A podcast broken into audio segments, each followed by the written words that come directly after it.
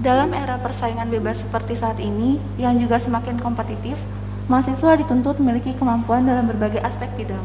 Padahal, nyatanya tak ada orang yang benar-benar menguasai semua bidang. Namun tentunya, ketika kita memahami dan menekuni satu hal yang paling kita gemari, akan berjalan lebih maksimal. Untuk bisa terjun di dunia industri, kita perlu mendalami hard skill ataupun soft skill agar mampu bertahan dan bersaing di dunia luar. Kemampuan ini dapat diperoleh melalui pembelajaran secara formal, kurikuler maupun ekstrakurikuler. Soft skill tidak akan lengkap tanpa adanya hard skill, begitupun sebaliknya, karena keduanya saling melengkapi. Oleh karena itu, mahasiswa yang mampu menyimbangkan aspek hard skill dan soft skill perlu diberikan apresiasi dengan diadakannya pemilihan mahasiswa berprestasi. Ajang mahasiswa berprestasi ini yang digagas oleh Kementerian Pendidikan merupakan salah satu ajang yang dinantikan oleh seluruh mahasiswa se-Indonesia. Ajang ini dianggap prestisius karena mahasiswa terbaik dari masing-masing perguruan tinggi akan menunjukkan kemampuannya untuk menjadi yang terbaik. Mayoritas dari mereka adalah sosok yang luar biasa yang mampu menyeimbangkan antara keseriusan belajar dan berkomitmen dalam berorganisasi. Ekstensi mahasiswa dalam ajang ini akan berkaitan erat pula dengan citra perguruan tinggi karena berperan sebagai indikator bagaimana pendidikan di perguruan tinggi mampu menghasilkan mahasiswa yang luar biasa. Terlepas dari berbagai pandangan ini, kiranya memang perlu dipikirkan lebih mendalam bagaimana cara untuk mencetak bibit-bibit mahasiswa berprestasi Hal ini menjadi penting karena dengan matangnya sumber daya manusia akan berimplikasi pada persiapan untuk berkompetisi baik di dalam maupun di luar kampus dalam skala regional maupun nasional ataupun internasional. Oleh karena itu, saya Jilan Arifin Nafisa, perwakilan dari Badan Eksekutif Mahasiswa Politeknik Negeri Jakarta bersama dengan Andi Muhammad Excel, mahasiswa berprestasi 1 PNG 2021 akan membagikan cerita bagaimana proses menjadi sosok tersebut.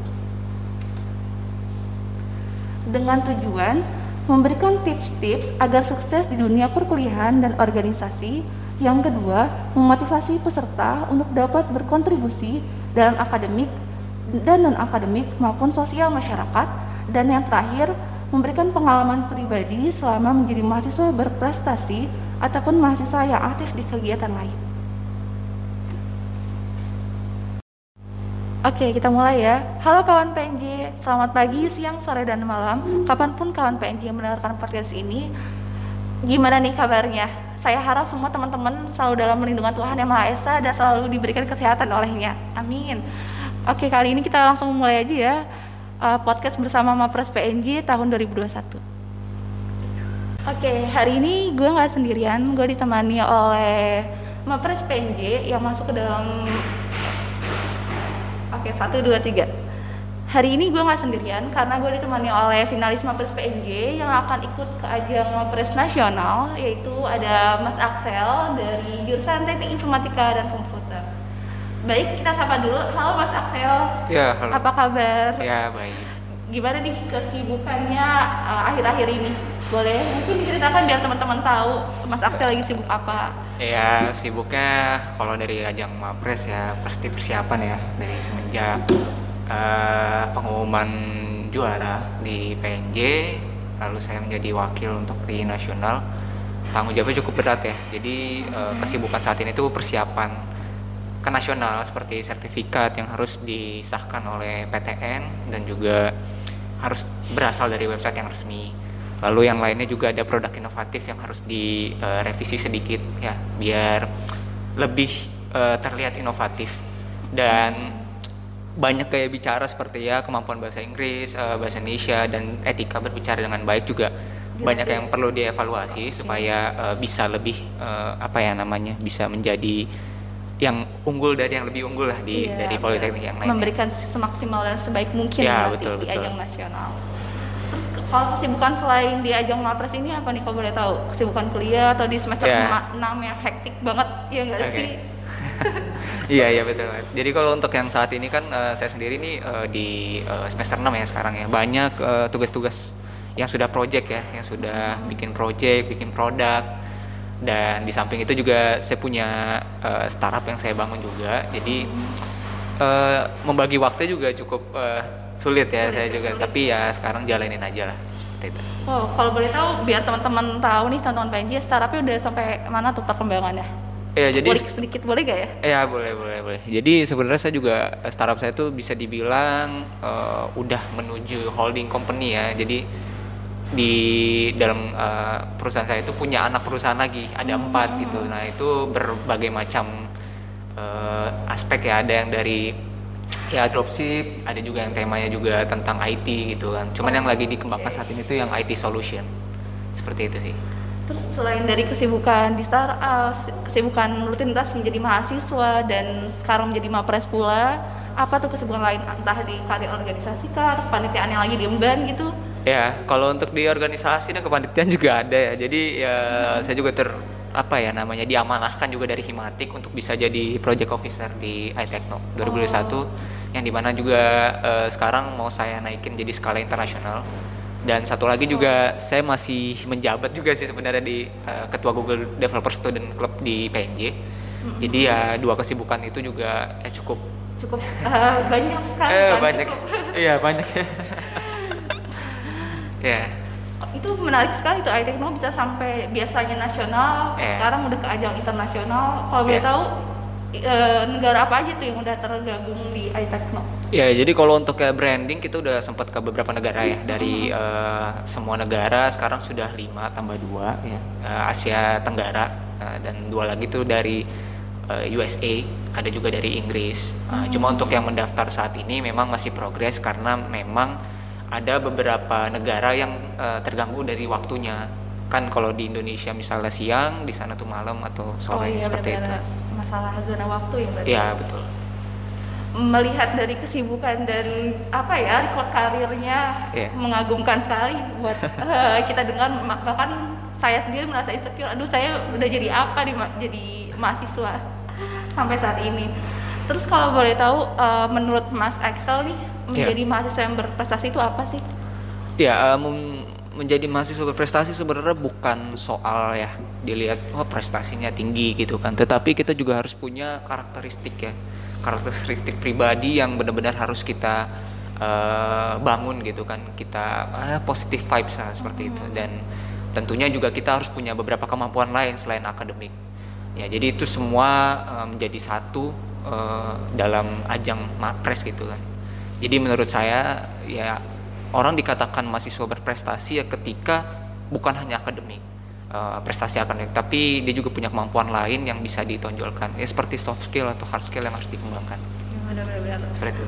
Uh, hal apa sih yang buat Mas Axel ini uh, merasa berani gitu untuk bisa mencoba? Karena kan kadang kita yeah. takut banget ya buat namanya ngebangun startup mencoba yeah. jadi IPO atau apa itu kan amanahnya sangat berat gitu. Iya yeah, betul apa yang hal apa yang Mas Axel tanamkan? Iya, pertama pasti dari hati nurani ya. Kita pengen uh, suatu yang diadakan di dunia yang yang saya lihat itu nggak mau stuck di situ-situ aja gitu. Ya mungkin yang sekarang yang uh, berpeluang saya pegang ya project officer uh, ketua ini. Tapi mungkin di kemudian hari ya bisa aja beberapa lembaga.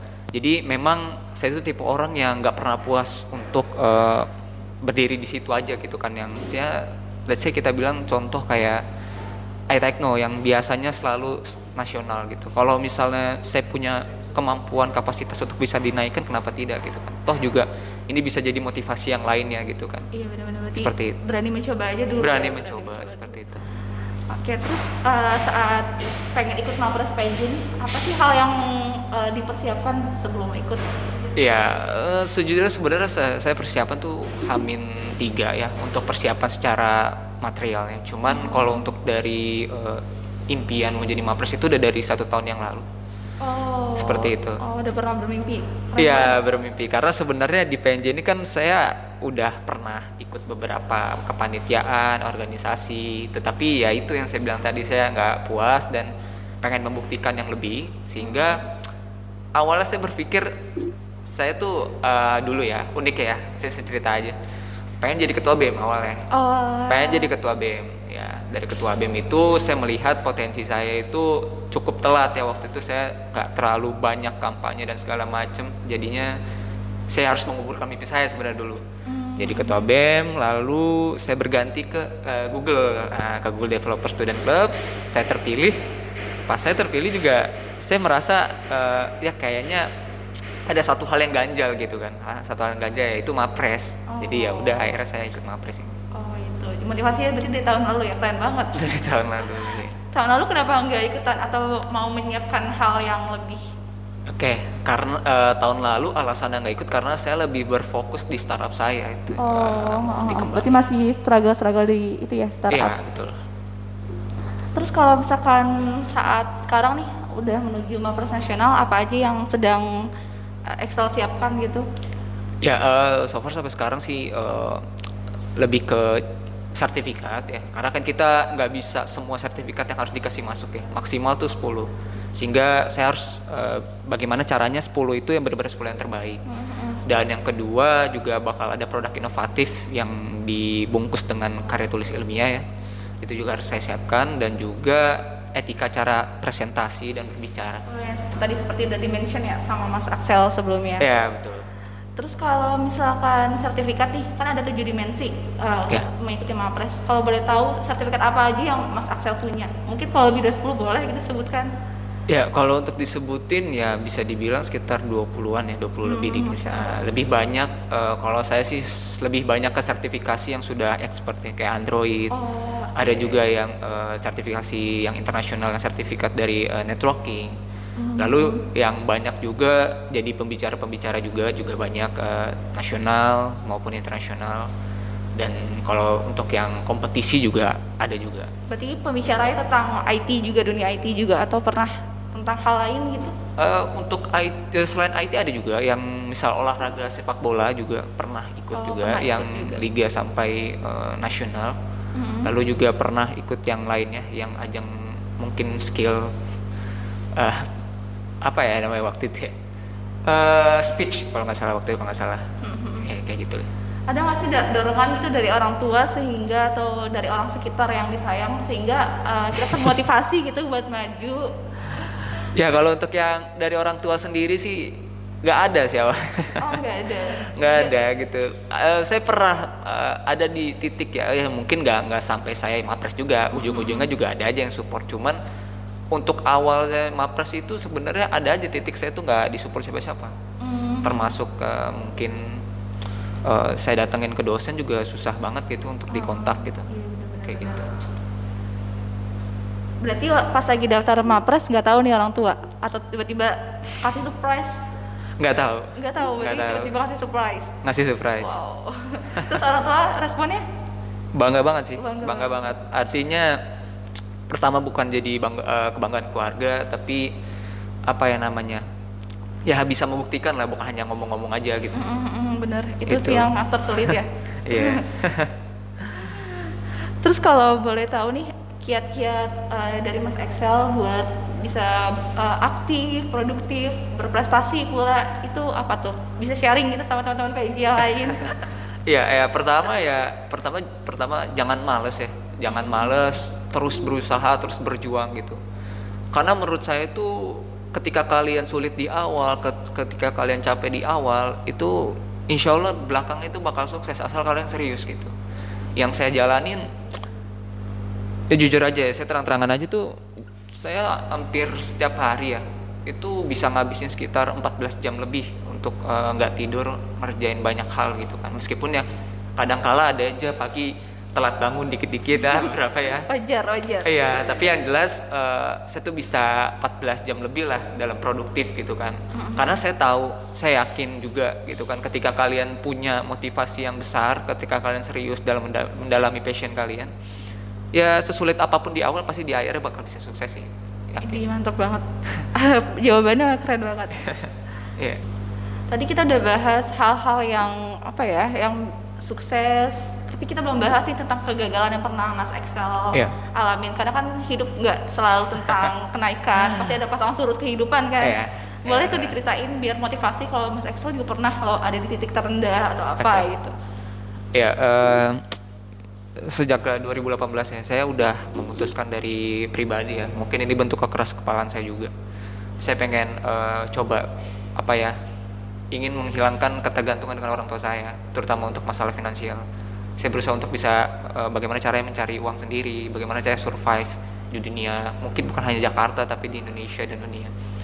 Ya dari situ titik tergagal saya. Saya pernah di posisi dalam satu bulan full itu benar-benar nggak ada yang support sama sekali termasuk sahabat saya jadi hmm. mereka lari di saat saya sudah di titik terendah oh, mungkin bukan bisa bilang lari ya ibaratnya tidak mensupport lah iya, tidak peduli. peduli ya beberapa saat ya bisa bilang sebulan dan orang-orang terdekat saya juga udah mulai fokus dengan kuliahnya masing-masing saya pernah di titik itu lalu juga saya pernah di titik juga uh, diremehin juga sama keluarga maksudnya mm-hmm. dengan umur saya waktu itu masih 19 tahun mau jadi apa gitu dengan modal nggak ada sama sekali gitu kan mm-hmm. karena kan saya memang pengen survive seperti itu kan dan saya juga pernah dalam proyek kan banyak ditipu juga dari startup yang ini. Banyak ditipu banyak yang nggak dibayar juga banyak yang mungkin saya udah kasih yang terbaik tapi ternyata saya malah dikhianatin gitu di di dalam proyek itu seperti itu.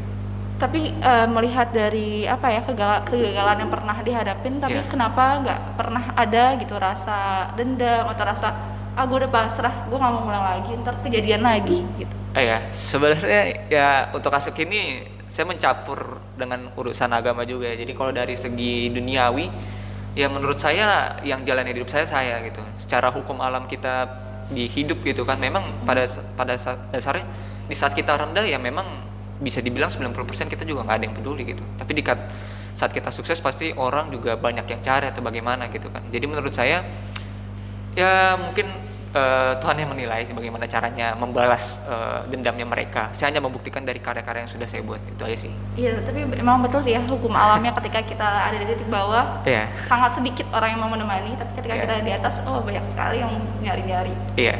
bener-bener bener terus uh, apa ya kalau boleh tahu setelah menjadi mapres dampak positif apa yang Mas Excel rasakan gitu?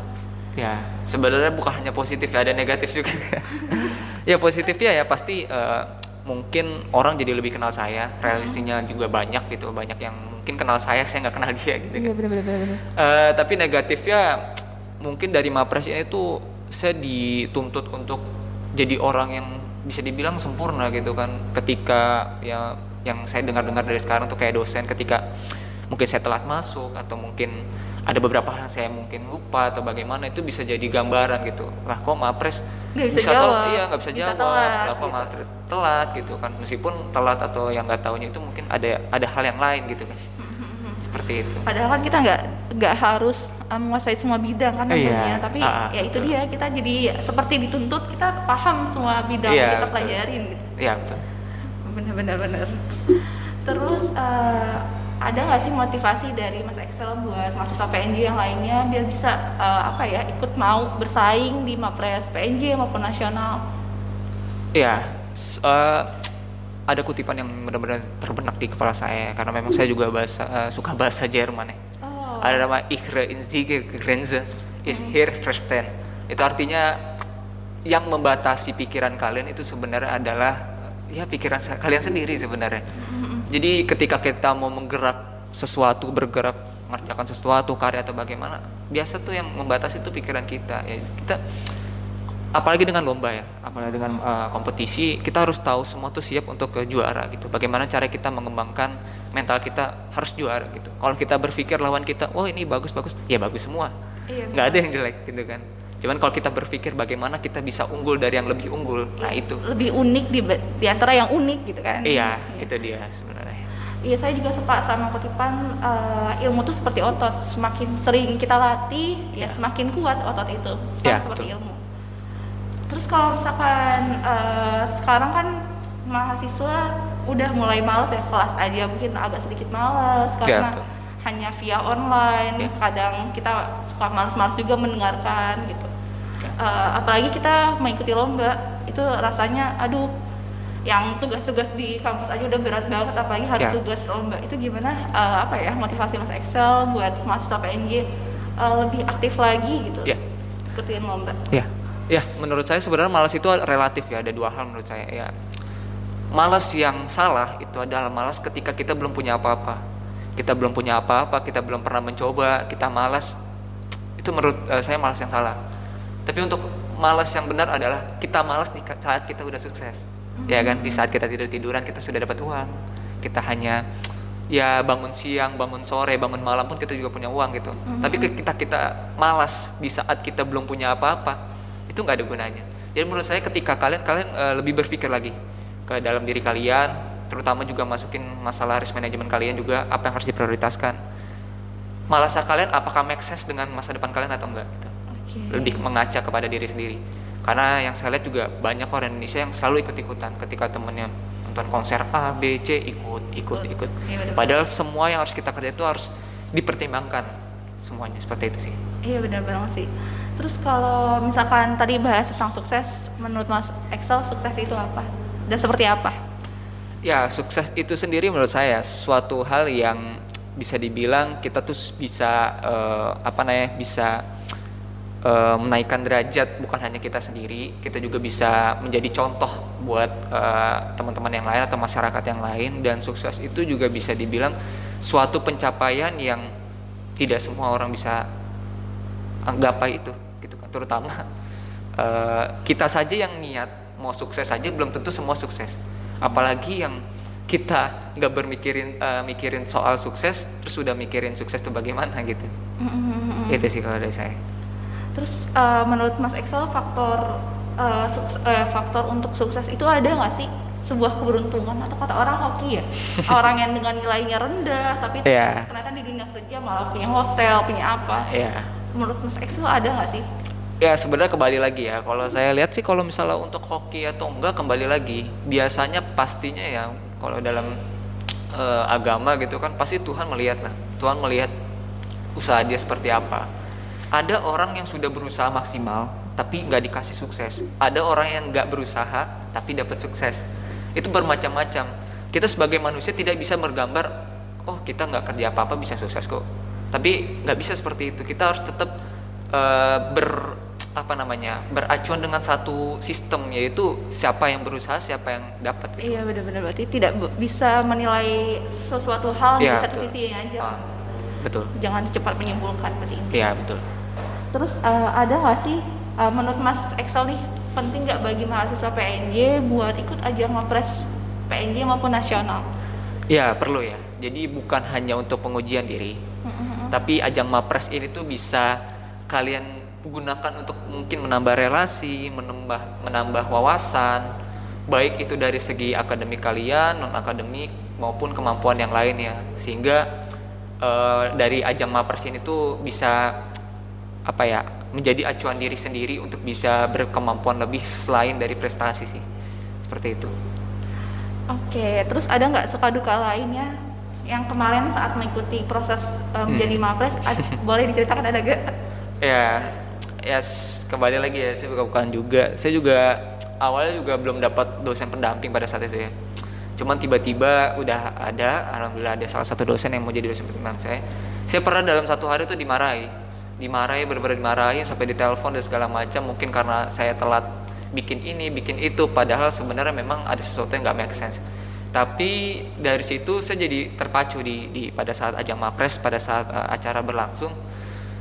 Ya ketika mental juara itu sudah terbangun ya saya melihat orang lain mungkin belajar atau bagaimana ya menurut saya ya memang itu jadi ya hanya sekedar lawan saya aja sih. Kalau untuk jadi wah saya takut sama dia nggak juga sih apa enak ketemu mahasiswa eh, sama manusia kan?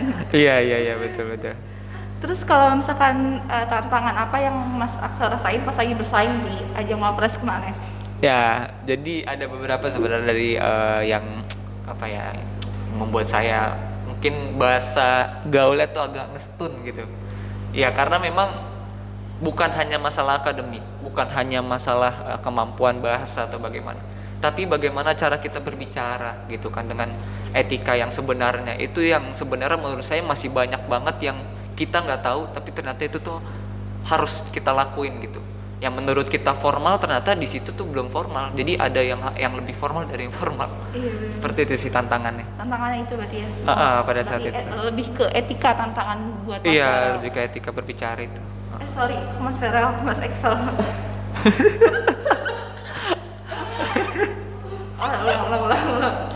Oke, berarti satu dua tiga diulang. Oke, berarti Yeah. lebih ke tantangannya adalah cara kita beretika ketika kita presentasi di depan dewan juri kemarin kan. Iya betul.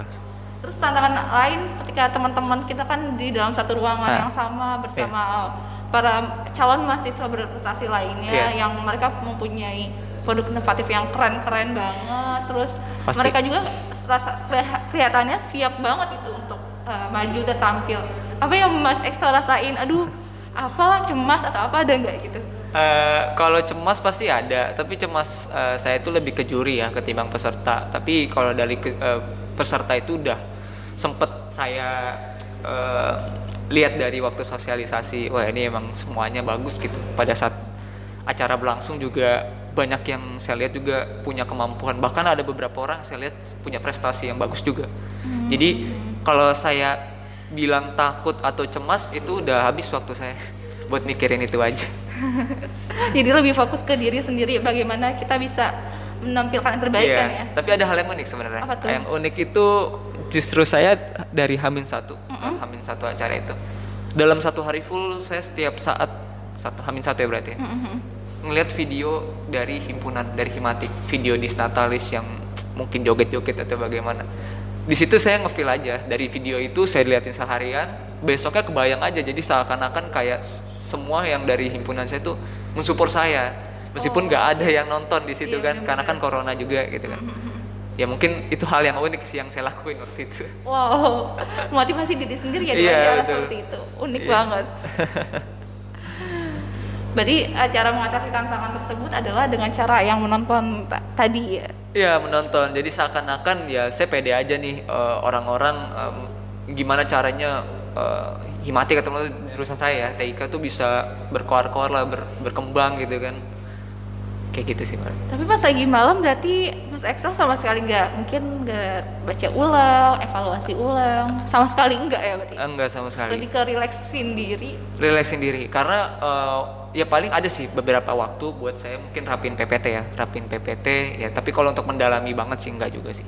Oh, oke. Kenapa bisa eh, merasa begitu tenangnya ketika Ya, karena sebenarnya ya ya itu saya punya manajemen waktu sebelum sebelum eh, sebelum Amin satu ya. Manajemen yang, yang dimaksud adalah saya punya waktu untuk bagaimana dalam satu hari itu saya benar-benar mikirin soal itu gitu kan.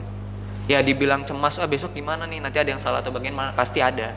Cuman kalau untuk terus setiap hari gitu sampai Hamin satu masih mikirin seperti itu menurut saya manajemen saya rusak. Jadi menurut eh, menurut saya saya eh, mengatur itu manajemen saya sendiri sih. Kayak saya mengatur bagaimana hari ini saya mikirin tentang soal eh, produk saya, hari ini saya buat bagaimana cara motivasi saya. Ya kurang lebih seperti itu sih. Oke.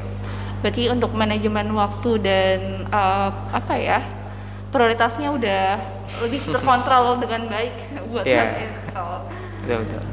Terus tadi kan dari tadi juga kita udah dengerin apa ya? Mungkin keunggulan-keunggulan Mas Excel kayak Mas Excel pernah A, pernah B dan C. Ya betul. Eh, ada nggak sih hal yang Mas Excel tuh sebenarnya nggak suka atau Mas Excel tuh nggak kuasain? Karena kan yang kita Hmm. tahu kayak Mas Excel bisa semuanya nih. Menang lomba A, Iya, pengalaman iya. magangnya di sana sini, terus ikut Ah. segala macem. Ya, ya saya itu ya ada orang bilang, eh bukan orang juga sih, saya juga merasakan itu. Bahwasannya ketika saya punya mimpi, saya punya impian, agak susah untuk diganggu gugat gitu. Meskipun itu mustahil. ya jadi ya pastinya dari apa yang saya lakukan ada aja beberapa yang gagal ya karena keras kepala saya ini seperti itu. Ya meski ya karena entah mengapa saya tuh nggak pernah bilang sesuatu tuh nggak bisa. Sekalipun saya bukan medis, saya bisa bilang saya bisa jadi dokter asal saya mau, asal saya berusaha gitu. Nah tapi mungkin dalam hidup ya dalam dunia ini nggak semuanya itu berjalan dengan baik. Yang yang di mana kita pun sendiri harus bisa toleransi kan. Iya, Kalau memang itu tidak bisa atau mustahil kita tidak bisa paksakan itu kayak gitu. Nah karena saya sendiri apa namanya ya ya gitu pede sih orangnya. Eh, kalau misalnya gagal ya udah coba lagi, gagal coba lagi. Tapi kan sebenarnya dari kegagalan itu juga harus kita porsir kan. Ketika benar-benar. Gagal lebih banyak dari suksesnya kan pasti orang juga melihat kan. Makanya eh, itu sih kelemahan eh, kalau dari saya. Oh berarti apa ya menurut Mas Excel adalah hidup adalah terus belajar sampai kapan pun ya belajar. Kalau jadi jadi Mas Excel punya prinsip nggak ada yang mustahil dalam Iya, dunia betul. karena ketika kita gagal kita masih bisa belajar lagi Iya, di mana betul. sih kesalahan kita sampai akhirnya kita bisa evaluasi atas kesalahan kita Iya. keren banget Ya. terus eh, mungkin terakhir kali ya ada nggak sih pesan untuk diri saya pribadi atau diri Mas Excel atau mahasiswa PNJ lainnya yang Iya. mendengarkan podcast ini eh, bagaimana kita bisa tetap yang jadi eh, mahasiswa seutuhnya yang Iya. bisa menerapkan tridharma perguruan tinggi dan lima fungsi mahasiswa. Ya, tentunya kalau untuk eh, saya sendiri sebenarnya saya nggak mau berhenti setelah saya di ajang Mapres ini saya benar-benar punya mimpi eh, bukan mimpi lebih ke impian saya buat bagaimana caranya mahasiswa PNJ itu bisa benar-benar eh, memikirkan bukan hanya non akademis ya. Karena yang saya lihat itu sebenarnya hype untuk non akademis itu lebih besar ya. Kayak main futsal main basket itu lebih besar ketimbang yang lomba-lomba poster lomba-lomba karya tulis ilmiah.